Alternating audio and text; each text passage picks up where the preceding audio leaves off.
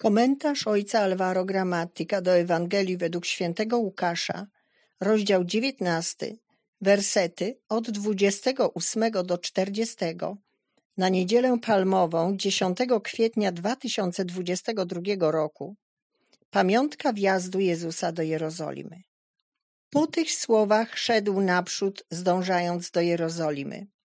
Gdy przyszedł w pobliże Betwagę i Betanii, do góry zwanej Oliwną, wysłał dwóch spośród uczniów, mówiąc: Idźcie do wsi, która jest naprzeciwko, a wchodząc do niej, znajdziecie oślę uwiązane, którego jeszcze nikt nie dosiadł.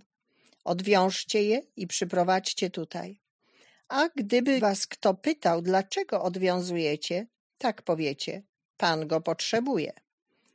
Wysłani poszli i znaleźli wszystko tak, jak im powiedział. A gdy odwiązywali oślę, zapytali ich jego właściciele. Czemu odwiązujecie oślę? Odpowiedzieli, Pan go potrzebuje. I przyprowadzili je do Jezusa, a zarzuciwszy na nie swe płaszcze, wsadzili na nie Jezusa. Gdy jechał, słali swe płaszcze na drodze.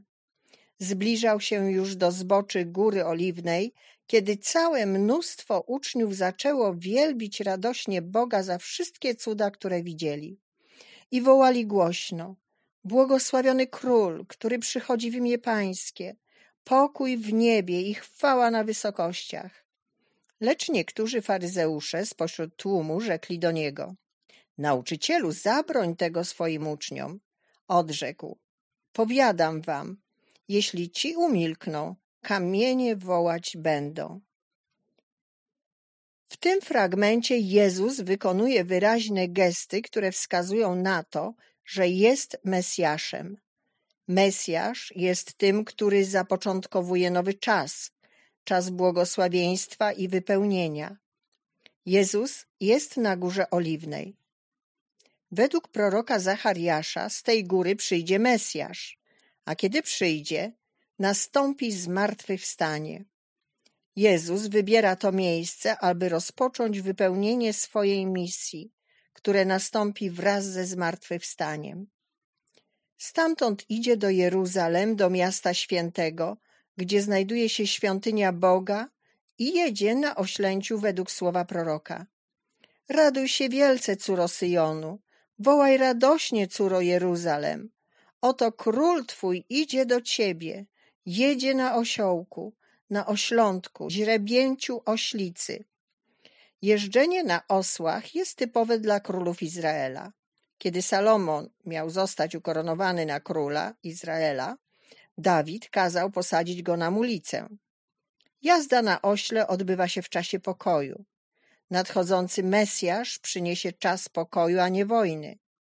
Nie przychodzi osądzać i potępiać przynosi w darze komunię między Bogiem a Jego ludem, miłosierdzie i błogosławieństwo. Tłumy przyjmują Jezusa, rozkładając płaszcze na drodze i wołając: Błogosławiony król, który przychodzi w imię Pańskie, pokój w niebie i chwała na wysokościach. Przypomina to o tym, co aniołowie śpiewali przy narodzinach Jezusa. Teraz jest czas wypełnienia się obietnic mesjańskich, które streszczają się w jednej szczególnej zmartwychwstanie. Zmartwychwstanie jest wielką obietnicą, która spełniła się dla nas. Jest obietnicą nowego, niekończącego się życia, które dał nam Jezus. Tłumy nie robiły nic innego, jak tylko prorokowały nadejście daru Bożego, co rzeczywiście nastąpi za kilka dni wraz z wydarzeniami paschalnymi ale to wypełnienie przechodzi przez oddanie życia, przez krzyż. Bez oddania nie ma wypełnienia.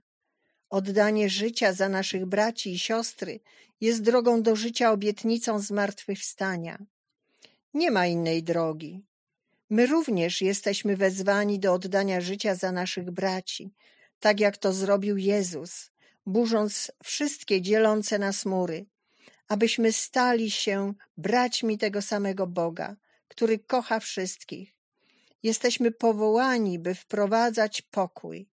Dla nas zmartwychwstanie konkretyzuje się w komunii między sobą i z Bogiem, komunii, która już jest znakiem królestwa i tego, co nas czeka.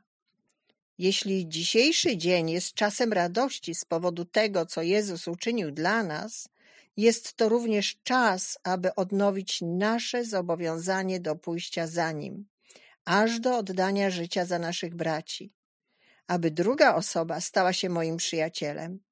Wtedy my również będziemy prorokami zmartwychwstania na ten czas.